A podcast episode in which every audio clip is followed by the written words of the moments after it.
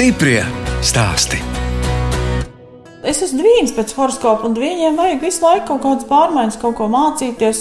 Es nevaru teiksim, pievērsties kaut kam vienam. Man ir ļoti plašs tas mans lauks, un to, ko es pati iemācos, man patīk mācīt citiem. Es nekad nevienu darbu neesmu meklējis, darbi vienmēr mani atraduši. Ir. Tā stāsta Edīte Bēvalde no Dobeles novada Pankulas pagasta skalbēm. Es, žurnāliste Dāna Zalmane, šoreiz ciemojos pie skolotājas, kas bijusi arī laikraksta galvenā redaktore un algotu darbu apvienojusi ar uzņēmēju darbību. Edīte dzimusi Pankulas pagastā piecu bērnu ģimenē. Mēs katru rītu trīs km uz skolu gājām kājām to iešanu skolu, mēs to nekad neuztvērām, nu, tas ir grūti, jo tā bija mūsu ikdiena piedzīvojums vienmēr bija tas, ka ir tā upe, jūs braucāt pāri upei. Un tajos laikos ceļš bija zemāks, un katru pavasari tā upe pārplūda, un tur nevarēja tikt pāri. Mums šeit bija autobusu pietura, tagad tas vairs neiet autobus. Mēs braucām uz bēni. Bēnē pārsēdāmies, braucām uz skolu. Tas bija baigais līkums. Ja? Nu, jā, jo tur nevarēja tikt pāri. Un es atceros, ka man brauca ciemos Mana krustmāte ar savu ģimeni un krustāvs novilka savus zābakus un ar plikām kājām brīda un nesa visus pāri pa to ceļu pārplūdušo. Bet, nu, zin kā bērniem jau tas bija baigais piedzīvojums. Bija ļoti interesanti, jo kaimiņos bija bērni un, nu, es atceros vienu tādu gadījumu, mamma noteikti nemaz to nezina, bet mums bija tas lielais tāds grāvis un tur pāri bija ferma, kur buļļi. Tur kaimiņu puikām kaut kādiem tur gājām uz to grāvi, tur pļunčājāmies. Tur tālāk vienā mājā dzīvoja tante. Viņa gāja tos buļļus kopt pāri pa to laipu, mēs to laipu vienā reizē bijām aizpeldinājuši. Nekādu brāzienu es tā neatceros, ka būtu dabūjuši. Bet bērni jau visādas muļķības nepadomājot par tām sekām. Vasarā brauca brālēns un māsīca, un tad jau mēs visi kopā dzīvojāmies. Nu, mums tās vasaras, es esmu izaugusi tajās garajās biešu vagās un lauku darbos, gan tāpat gājām mammai palīgā kūtī. Mums nu, nepatika tie darbi, bet tagad es domāju, tas ir tāds labs rūdījums. Tas ir tāds rūdījums, un, un tas ir iedzinis tādu pienākumu apziņu jebkurā vietā. Jo pēc tam, kad mēs apprecējāmies un mainījām dzīves vietu, tāpatās mammai vēl bija gan tās cukurbietas, gan lopi, un tas bija kā kaut kāda pašsaprotama lieta, ka tad, kad ir atvaļinājums, tad jābrauc palīgā, jārevē un jāvāc vietas. Un, un es tajā brīdī strādāju skolā, rudens brīvlaiks un līst lietas un tās pēdējās biežas vagas, un mēs griežam un tek zābakos ūdens, jo lietas līst, bet tās vietas ir jānovāc. Edīte Bēvalde strādāja par skolotāju Zebrenes pamatskolā, kas tagad slēgta un studēja Rīgas pedagoģijas izglītības vadības augstskolā, vēlāk pārcēlās uz Garkalni, tomēr pierīgas dzīve abiem ar vīru neiepatikās, tāpēc atgriezās Penkulas pagastā un uzcēla savu māju netālu no mammas mājas. Edīte sāka strādāt Dobeles novada laikrakstā Zemgale. Es te avīzē arī tā pavisam nejauši nokļuvu. Man uzaicina uz to konkursu. Es aizbraucu, mēs tur esam kaut kā 12 cilvēki. Un tur tādi jaunieši, nu, tas jau bija pirms desmit gadiem. Es domāju, nē, nu tie taču jau ir ar tādām labām, noteikti izglītībām, tur sabiedriskās attiecības, vai ko, nu ko es te tagad darīšu. Tur bija gramatikas testi, un tad bija tā tāda preses konferences organizēta. Nu, beigās izrādījās, ka man vislabākie rezultāti bija tajā konkursā. Bija, Jūs bijat žurnāliste? Nu, reportieri sākumā. Pirmais darbs man tā iespiedies atmiņā, jo mums redaktori bija ļoti tāda, viņi bija ļoti prasīgi pret mums, bet tajā pašā laikā mēs aiz viņas bijām tā kā aiz tādas sienas. Un tajā pirmajā dienā, tas bija marts, Dobelē, Bēras upē ir uh, zēni. Nu, viens bija iekritis, otrs bija glābis. Mums arī desmitos bija sapulce. Viņi man saka tā, tev tagad ir jāatrod viss, un līdz 12. man jābūt uz galda tam materiālam. Es domāju, viss, līdz 12. uz galda būs mans noteikti atlūgums. Es neko nebūšu varējis izdarīt. Tagad es uz to visu skatos, man, man smiekli nāk, jā, jo, nu kā, nu piezvan policijai, piezvan ugunsdzēsējiem, piezvan tur ātrai palīdzībai, bet tā arī beigās bija un nebija 12, bija pus 12, man materiāls bija gatavs un vēlāk es satikos arī ar tiem puišiem un viņu mamām, bet tas ir pirmais, tas ārprāts, kā es to varēšu. Bet pušiem viss beidzās laimīgi, abi izglābās. Jā, jā, jā, protams. Mums tur bija redaktorē tāds kaut kāds tāds maziņais naudas fondiņš, un viņi pateica, ka viņi iedod tās desmit latus. Bet es sajūtos daudz labāk novērtēta nekā strādājot iepriekš bagātajā Garkalnas pašvaldībā, kur mums bija ļoti labs piemaksas katru mēnesi. Tie desmit lati bija daudz vērtīgāki nekā varbūt citā reizē simts lati. Mhm. Jūs nostrādājāt tomēr diezgan ilgi. Es nostrādāju gadus. desmit, nepilnus desmit, jā. Un pat bijāt redaktore? Trīs ar pusgadus bija galvenā redaktore, jā. Nu, kāpēc pielikāt punktu šim darbam? Tāpēc, ka es jūtu, ka es esmu pārgurusi. Jo, ja tu jau 24, 7 tev galvā ir tikai darbs un darbs, nu, tad uh, saprotu, ka vienā brīdī tas var nākt arī par sliktu veselībai. Jo tagad uh, šis gads man varbūt finansiāli nav bijis tāds uh, nu, tik stabils, kad es zinu, ka man konkrētajā datumā ienāks tik un tik tā naudas summa, ar kuras var rēķināties, bet emocionāli noteikti es esmu ļoti mierīga. Pēc darba skolā, kad Edīte Bēvalde iestājās bezdarbniekos, viņa mācījās projektu vadības kursos. Šīs zināšanas noder joprojām. Andris Tomašons, arheologs, vēsturnieks, viņš mums vadīja tos kursus. Es tajā brīdī neko nesapratu no projektiem, bet uh, viņš mums ļoti profesionāli, es domāju, ka to darīja. Viņš teica tā, jums ir jāatrod kaut kāds projektu konkurss, jums ir jāuzraksta šo kursu laikā un vēlams, ja jau dabūt finansējumu. Tad ja arī caur draugiem LV bija tie labie darbi laikam. Es uh, sazinājos Aucē ar bērnu invalīdu biedrību, un viņi teica, mēs gribam uz jūru. Un tad mēs uzrakstījām to projektu, mums viņu apstiprināja. Un bērni lielais autobuss divstāvīgais braucām uz jūru uz uh, Jaunmoku pīli tajā reizē, un nākošā gadā jau mēs atkal rakstījām projektu, bet tajā reizē mums laikam neapstiprināja, jo mēs rakstījām uz zooloģisko dārzu un uz atrakciju parks uh, līči, bet toreiz Uzrādījās sponsors, kas bija gatavs nosponsorēt to visu pasākumu.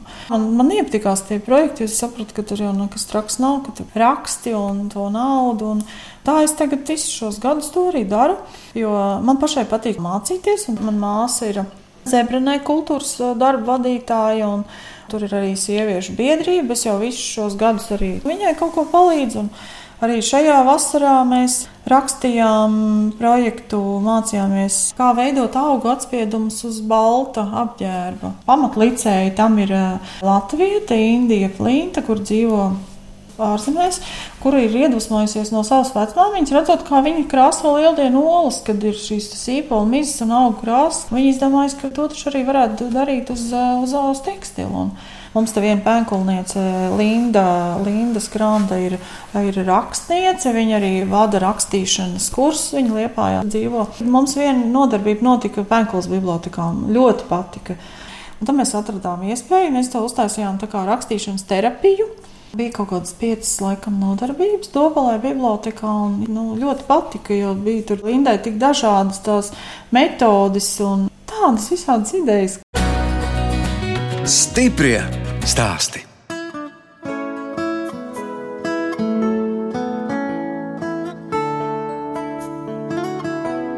Jūs klausāties raidījumu stipri stāstī. Turpinu ciemoties pie Edītes Bēvaldes, Dobeles novada Pankulas pagasta skalbēs. Savu mazo biznesu Edīte sāka ar filca cepuru izgatavošanu. Rīgā viņa pabeidza filcēšanas kursus un savu pirmo uzņēmumu izveidoja 2009. gadā. Man tā kā gribējās kaut kādu darbnīciņu, kaut ko tādu.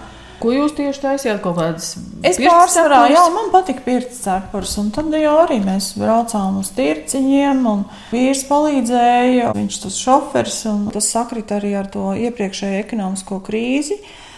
Un eh, es sapratu, ka es neesmu tas cilvēks, kuram interesē ražošana. Man patīk eh, mēģināt, man patīk eh, eksperimentēt, skatīties, ko es varu, bet tā, ka man būtu kaut kāds mērķis, tur tagad attīstīt kaut kādu ražotni un lielos vairumos, pilnīgi noteikti nē. Un pēc tam jau man sākās darbs avīzē, un tad jau tām radošajām lietām bija ļoti maz laika. Bet uh, es sadarbojos arī ar tādiem kultūras namiem, bibliotekām, kur viņi organizē nodarbības. Tad es arī gāju, kad es tur varu, vai vakarā, vai kaut kādā sestdienā parādīt kaut ko. Un tagad arī ir tā, ka mūs aicina. Cilvēki grib zināt, viņiem interesē. Un, nu, tad tā uzņēmējdarbība jūs nu, faktiski iegūstat pieredzi sev, jā, un tad stāstāt par to citiem jā, jā, kā pedagogs. Jā, jo man kaut kā ir tā vajadzība dalīties laikam ar cilvēkiem. Pirms gada, Covid pandēmijas laikā, vēl strādādam laikrakstā Zemgali, Edīte iestādīja lavandas. Pie mājas ir divi hektāri zemes, un, lai nebūtu tikai jāpļauj zāle, saimnieki nolēma daļu no zemes izmantot lavandu audzēšanai. Lai gan vīra tēvs dārznieks eh, bija, mēs tādi dārznieki īsti neesam ko vajag tie dārziņi, tie mums vienmēr visos laikos bijuši izaudzēti. Bet nu, šis zemes gabals, kas ir 0,7, mums tāds stāvēja, ko mēs paši neizmantojām. Tad es atradu no grobiņas audzētāju. Viņi man visu cīk smalki izstāstīja, kur pirkt tādus, kādus tādus, kādu augsnīti pirkt priekš piķēšanas, kādos trauciņos piķēt, kādu stādīt. Mēs pasūtījām kaut kādus 3200 tādus. Nu, te ir, saku, kur apmēram 3000, jo kāds jau tajā podu procesā izkrita. Pusotru mēnesi sanāca, ka viņi tajos podiņos viņi diezgan ātri viņi apsakņojās un, un lielāki jau palika un paaugās. Un tā mēs viņus sādījām ārā. Un tas bija 30 grādu karstums toreiz, tajā jūnija sākumā. Bet man ir liela ģimene. Jo es esmu no piecu bērnu ģimenes, mans vīrs ir no sešu bērnu ģimenes. Tad jau tā ir, tā, ka tev vajag tās palīdzīgās rokas, tad īsti jau pat nevajag prasīt. Ja kāds redz, ka tu vāc kartupeļus, skaties, no kuras puses jau nāk. Nu, Visi tepat kaut kur arī nu, dzīvo. Pāri ielai dzīvo man vīra māsa. Un tad tā bija, ka vīra māsa saka, es nākušu palīgā. Tā mēs sastādījām. Sākumā viņš palaistījām, tad uznāca lietas, viss ļoti labi pieauga. Un šogad eh, tā darba īstenībā te nebija daudz.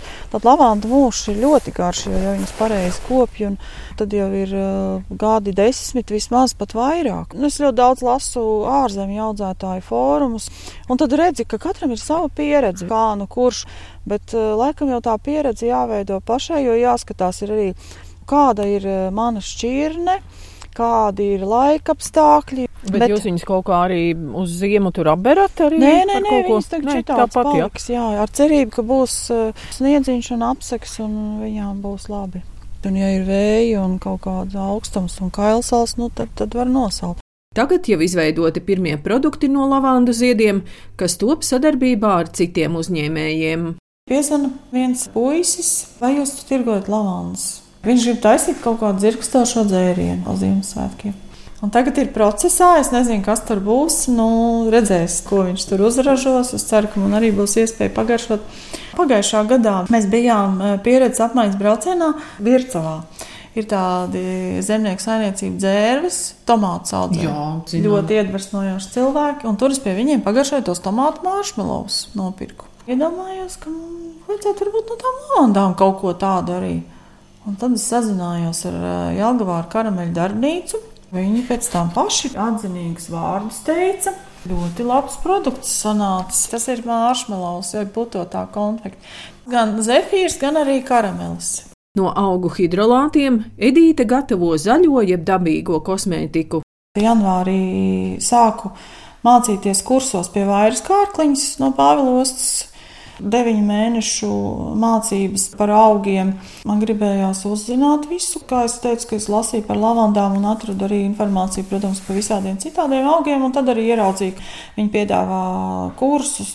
Ceļu krēmu gatavošanā rudenī mācījos, un augu mācību gan kā augus pielietot pārtikā, gan kā veselības uzlabošanā, jā, skaistumam. Ļoti interesanti kursi bija, un, un mums arī tāda grupa, kur mēs joprojām apmainamies pieredzē un dalāmies. Un īstenībā mēs esam tik bagāti, mēs to neapzināmies, jo mums mums dabā viss ir. Un tagad pēc šiem kursiem es skatos pilnīgi ar citām acīm uz to, kas man laukā aug.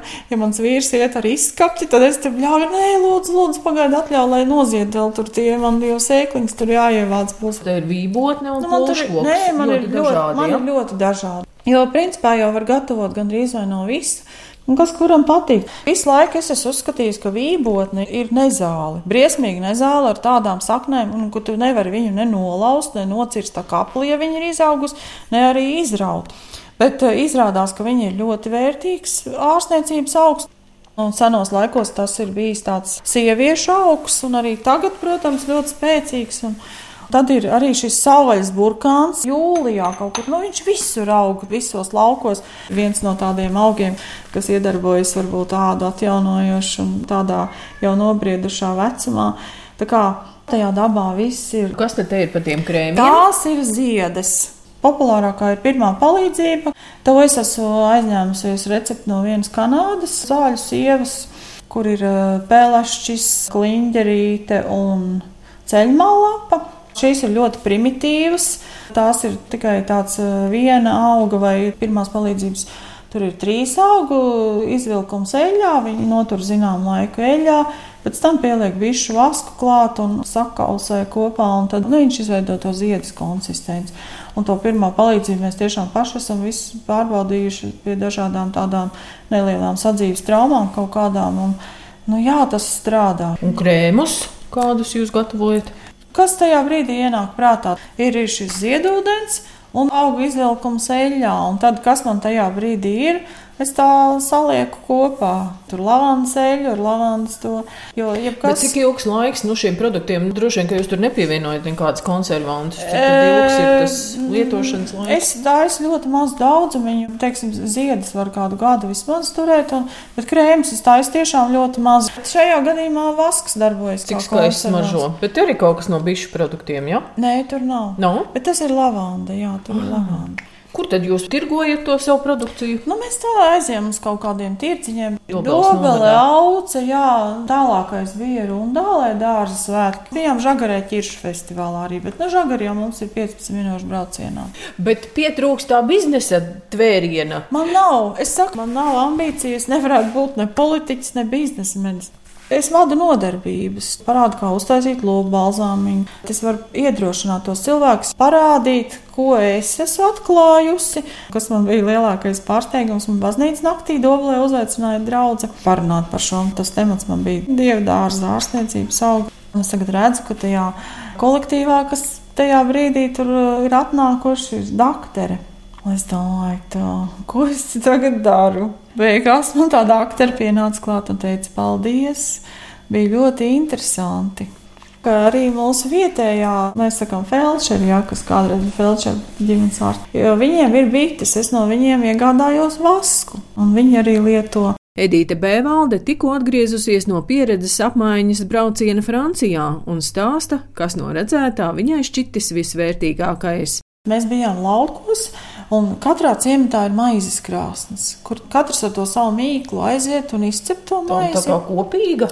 Jā, ir kopīga, bet ir arī daudziem ir mājās šis krāsnes. Jā, tā kultūra ir saglabājusies, kas pārsteidz. Viņiem ir dārziņi. Viņam mājās tur var būt kādas vistiņas, pīlītes, varbūt trusīši. Viņi konservē. Ļoti liels akcents ir uz vietējo produktu. Veikalā nelielā pieeja un, un priekšā stāv stendiņš. Tu vari redzēt tiešām to vietējo. Mēs dzīvojām ģimenēs. Mēs bijām pie pāra, kas dzīvo. Tā ir viņas vecāka māja. Ļoti sena, nu, mūrēta no akmeņiem un arī akmeņa jumts, tādu plākšņu. Un viņai mājās tas interjers virtuvē seni koka skapji ka nav skrējuši pakaļ, necenšoties kaut kādus eiro remontus. Un, ne, nu, gan jau, ka ir arī tādas vietas, bet tomēr saglabāt tās vietas īpatnības. Tas ir tāds pārdomu mirklis par to visu. Un ļoti brīvi cilvēki, ļoti vienkārši, kaut kādi neiespringst uz sīkumiem. Mēs, mēs ļoti vienkārši sēdienu sēdām. Tas ir tas, ko vajadzētu pamācīties. Stiprie stāstī!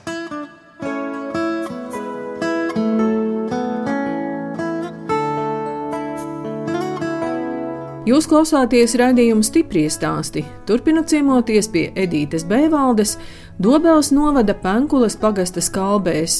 Ar Edīti iztaigājam mājas apkārtni, kur aug eglis, augļu koki un ozols. Meita ar septembrī apprecējās, vajadzēja stādīt koku. Ja viņš šobrīd dzīvo pie vīra vecākiem, kādu brīdi padzīvoja pie mums, tad eh, mūsu mājā tika iestādīts ozoliņš un viņa mājā liepa. Tur, kur uzrakstīts, ka augstums būs 15 metri. Jā, un desmit metri platums. Nu, un pārējie ir, nezinu, ir visādi, tur ir ķirši, un kur ir viens persiks un saldie ķirši, un tad vienkārši ir stādīts ar domu, ka, nu, lai te ir zaļš. Lieprīņi mēs paši stādījām, tad, kad uh, cēlām māju, un rekā viņas ir skaisti izaugstas, tās ir vīrtēva, stādus viņš bija saudzējis. tā, un divas siltumnīcas. Jā, divas, tāpēc, ka iestādījām siltumnīcā vīnogas. Nu, protams, tās vīnogas sakuploja, un tad jau nekam citam vairs nebija vietas. Nācās būvēt vēl vienu siltumnīcu. Bet tur ir tā, jā, ka gurķis, tomātus savām vajadzībām. Jums te ir tā kā Jā, molberts tas bija uzlikts. viens no tiem dekoriem, kas bija uz lavandu laukā. Tur bija puķipots iekarnāts. Drīzāk par to sienu zārdu jāsaka, kad es vīram saku, jo, nu, kā jāpļauj zāles, saku, uztaisam sienu zārdu. Patika visiem. Mūsu viņiem patīk tur skriet iekšā. Arī bērni, kas atbrauca, viņi tur līda iekšā un pieaugušie prasa, tur drīkst, jā, tur drīkst nofotografēt. Redz, siena zārds jau ir Tā ir eksotika. jā. eksotika, jā, un tieši tāpēc likās, ka, nu, jā, laukos tad jau vajag, jā. Tā mums tad Nu, ir. Vēl es skatos, cik jums tur dažādas eglītes ir. Mēs aizbraucām uz blīdeni, stāda audzēto, sapirkām visu ko. Droši vien jau, kad eh, no kaut kāda dizaina viedokļa vai ainavas arhitektūras viedokļa tur ir pilnīgs bardaks. Edīte kopā ar vīru Aigaru izaudzinājusi trīs meitas. Abas vecākās, Laura un Linda, jau ir savā dzīvē, bet jaunākā Emīlija ir skolniece. Vecākā meita, kā pabeidza Dobelē gimnāziju, tur bija tāda viena kompānija izveidojusies, viņas draugu kompānija, kur bija izdomājuši, ka viņi brauks uz Angliju strādāt. Pēc kaut kāda pusgada vai kā viņi atbrauc atpakaļ. Mēģināja Rīgā sākt strādāt. Un tad viņi aizbrauca atpakaļ. Draudzene viņu uzaicināja, un nu jau viņi jau ir jā, prom jau nu, desmit gadi būs kādi. Tur arī Visam. apprecējusies. Nē, viņa nav. Viņa ir, viņa ir viena. Viņa nav Londonā, bet viņa ir 15 minūšu braucienā ar vilcienu no Oksfordas. Viņa ir tajā skaistajā reģionā, kas ir Vecā Anglija. Viņa strādā dizaineru veikalā, kas atrodas tādā ciematiņā, tā kā mums ir piņķos tas outlets. Patīk tas darbs ar cilvēkiem. Viņai patīk tā internacionālā sabiedrība, kas viņai ir apkārt, un šeit viņai ir pārāk garlaicīgi. Bet uh, es sapratu, ka vienu meitu jums savukārt ir izdevies atvilināt uz laukiem no Rīgas. Nu, atpakaļ. jā, nu, viņi abi divi Rīgā izstudēja. Viņa ir uh, franču filologs un maģistrs. Un, savukārt viņas vīrs ar finansēm darbojas. Viņi īrēja dzīvokli, un viņiem ziemā bija izteikts piedāvājums to dzīvokli iegādāties. Viņi tam nebija gatavi. Gan vīri vecākiem ir sava māja, gan mums. Šobrīd, kad ir tās attālinātā darba iespējas, lai padzīvo laukos un uzkrāj tos līdzekļus, viņi paši arī tā izlēma, jo patīk viņiem tā lauka dzīve. Kā Meita ir fotogrāfe. Viņa fotografē, jā. Un tā viņa arī sāka šeit, esot tās sveces gatavot. Un tad mēs sapratām, ka mums ir vajadzīga kaut kāda sava telpa, kur to visu darīt. Un tad mēs noīrējām pagasta centrā bijušās kafejnīciņas telpas, bet uh, saimnieki izlēma, ka viņi gribēs pārdot to vietu. Mēs savukārt uh, atkal cik ļoti viss izmainījās tā ekonomiskā situācija ar tām elektrības cenām un, uh, un malkas cenām, mēs nobijāmies, ka nu, grūti būs. Un mēs jau nezinām šobrīd, kā cilvēkiem būs tā visa tā pirkt spēja un ceļot spēja. Bet mums tā radošā studijas trops, mēs to nosaucām tā, kopā darbošanos, tas jau nekur nav pazudis. Viņi arī brauc uh, vadīt nodarbības uh, sveču liešanā, patīk cilvēkiem. Un arī, teiksim, ja ir kaut kāda pagastu svētki, mēs arī abas divas kopā tās darbnīcas, varam tur novadīt. Un, Nu, Tad viņi var arī ar frančūžiem parunāties. Kāds francūzis pie jums Ne tikai ar frančūžiem. Nu, mums bija vasarā frančūži. No svešvalodām viņi zina krievu, angļu, franču, itāļu. Jo tās bija augstskolā jāmācās. Un tad jaunākā Emīlija. Jaunākā meita ir šobrīd mācās 9. klasē. Viņa mācās tālmācībā, pirmajā tālmācības Nu, tas vidusskolā. arī Covid iespējas, vai ne? Tajā brīdī meita mācījās 6. klasē, un viņa ļoti labi patstāvīgi tika galā. Un arī redzot to, cik viņa labi jutās mājās, mācoties. Un man arī daudz cilvēku nu kā, bet vajag taču socializēties. Bet ne jau visiem vajag nu, tā socializēties ikdienā.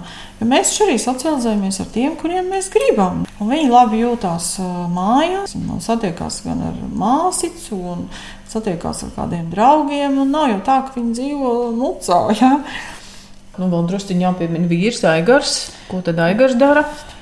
Vīrs ir ilgus gadus nostrādājis ceļa būvē.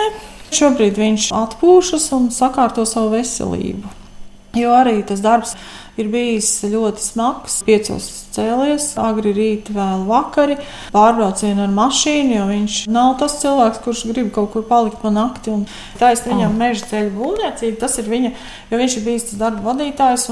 Viņš saka, kā man patīk, ka es ieeju tajā mežā un ka tur nekā nav, tur ir tukša vieta, bet viņam ir tur tas ceļš ir jāuzbūvē pēc tā projekta. Viņam tas ļoti patīk, ka viņš var no nulles sākt un no līdz galam novest. Īstenībā mums patīk būt mājās. Mēs esam tādi mājas cilvēki, jo laikam tas ir tāpēc, ka mēs esam darbā visu laiku esam prom no mājām. Un kā man vīrs arī saka, nu es jau ne jau tāpēc es būvēju māju, lai es tagad brauktu kaut kur komandējumos un gulētu kaut kur citās vietās. Patīk, kad ir bērni bērni mājās. Parasti svētkos, Ziemassvētku vai Jaungads vai tie lielie svētki, tad jau arī atbrauc mani brāļi, un, un, un tad mēs tā cenšamies visi kopā. Bet mēs ļoti bieži vispār ģimenē satiekamies ar radiniekiem, nu, kā ir tā vajadzība satikties. Nepietiek ar sociālajiem tīkliem un WhatsApp, ka bildes tur sūta. Nu, viens brālis arī Anglijā dzīvo. Nu, tā skumīgi ir par tiem, kuri nevar tajā brīdī piedalīties, būt kopā. Bet, uh, tā mēs maksimāli cenšamies. Tas tā nu, jāiedīt, un tad jūs varat kādu savu garšīgo torti atkal uztaisīt. Tas tā jā? arī ir, jā, jā. Bet tas jau ir jau vidusskolas laikiem, kaut kādiem pat vēl agrāk, kad mēs māsu mēģinājām pirmo kūku cept. Un tad ir bijuši visādi, ka, nu, kā jāvāra tas vārītais krēms, ka tur reizēm nesanāk ar to sviestu, un tad ir bijis pat, ka izmet ārā, jo nav jau to zināšanu, kā vajag. Un tad vienā reizē māsa saka, kāpēc tu nemēģini vilnas tādas receptes? Jo mums kādreiz bērnībā kaimiņos bija divas eh, ļoti apkārtnē slavenas kūku cepējas - vilnas tante un, un zeltiņa tante. Bet viņas cepa tādas veco laiku, tās lauku tortes. Lauku tortes, jā. Nu, kur 30 olas, teiksim, izmantot. Jā, jā, jā, jā, jā, jā riktīgi tās. Tad jūs joprojām cepat tās veco laiku jā, tortes. Jā, jā, jā. Vīriešiem garšo saldumu. Jo mums ir arī, nu kā, mums ir trīs brāļi. Viņiem ļoti garšo saldumu. Un tāpēc mēs, kā vecākās māsas, mums vienmēr bija jācenšas. Jo agrāk mūsu vecā mamma cep, viņa cep pīrāgus, viņa cep plātsmaiņas, cepa bulciņas. Tad vienmēr kaut kādā svētdienas rītā tur plīts pie mūrīša sasakta bija lielā mīklas bļoda, un tā visi lien klāt pie pannas un kleksē tos, tos negatavos. Jā, jā, jā. Un tad bija tās lielās bļodas ar visu, un tad cepums cepa jau pēc tam, ka brāļi brauc mācīties tur saldus tehnikumā visiem bija sakrāmēts paciņas ar cepumiem līdzi un, un tiem našķiem. Un tā arī tagad ir. Kad tie svētki ir, tad jau nu, pilnīgi nu, arī Jāņos uzcep to torti. Piemēram, ir kartupeļu talka, tad atbrauc brālis no Rīgas. Viņš ir paņēmis līdzi lielo čūnu katlu, tad iepriekšējā vakarā jau vāra tur saļanku, tad mēs atkal visi ejam uz māmas māju, kad kartupeļus nolasījuši, un tad visi kopā tur sēžam vai tur uzvār kaut kādu saldu un tā, nu. Un tā es tā nevaru saprast, ka ir ģimenēs, kur negrib satikties, kur nav varbūt tās attiecības tādas, jo jāturās visiem kopā. Jūs jau man stāstījāt, atkal esat atradusi darbiņu. Jā, nu tas darbiņš, jā, tas ir uz vietas pagastā, ir nepilnas lodes. Tas ir tas, kas man vajadzīgs, jo vesels lodes tad es atkal nevarētu. Dienas visam. centrā, kas tad jūs būsiet? Dienas centra vadītāji. Mēs tur gājām mācīties zīdglaznošanu. Tur ir bijušas sadīšanas, tur ir bijušas glaznošanas, tur ir bijušas visādas nu, arī radošas nodarbības. Tas, tas dienas centrs tam nav sociāla funkcija, tas ir kaut kas mazliet citādāks. Bet, nu, tad mācīsiet, kā taisīt hidrolātus nu, vai krēmus. Jā, vai arī aicināsim citus cilvēkus. Jo šobrīd arī man zvanīja vietējās pensionāru biedrības kundzes, kuras arī gatavojās. Viņām vajadzīga palīdzība, ir kaut kādu projektiņu uzrakstīt un kaut kādu padomu iedot. Es jau labprāt. Jā, ja es varu kādam cilvēkam palīdzēt, kāpēc ne?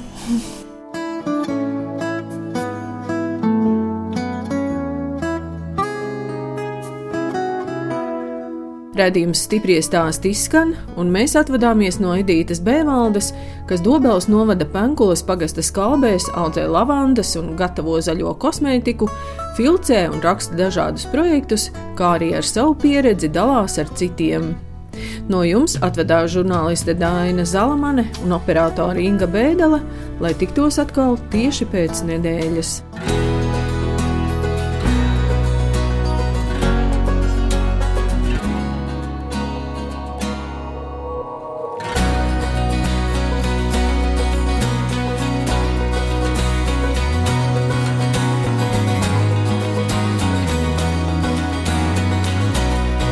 Stiprie stāsti.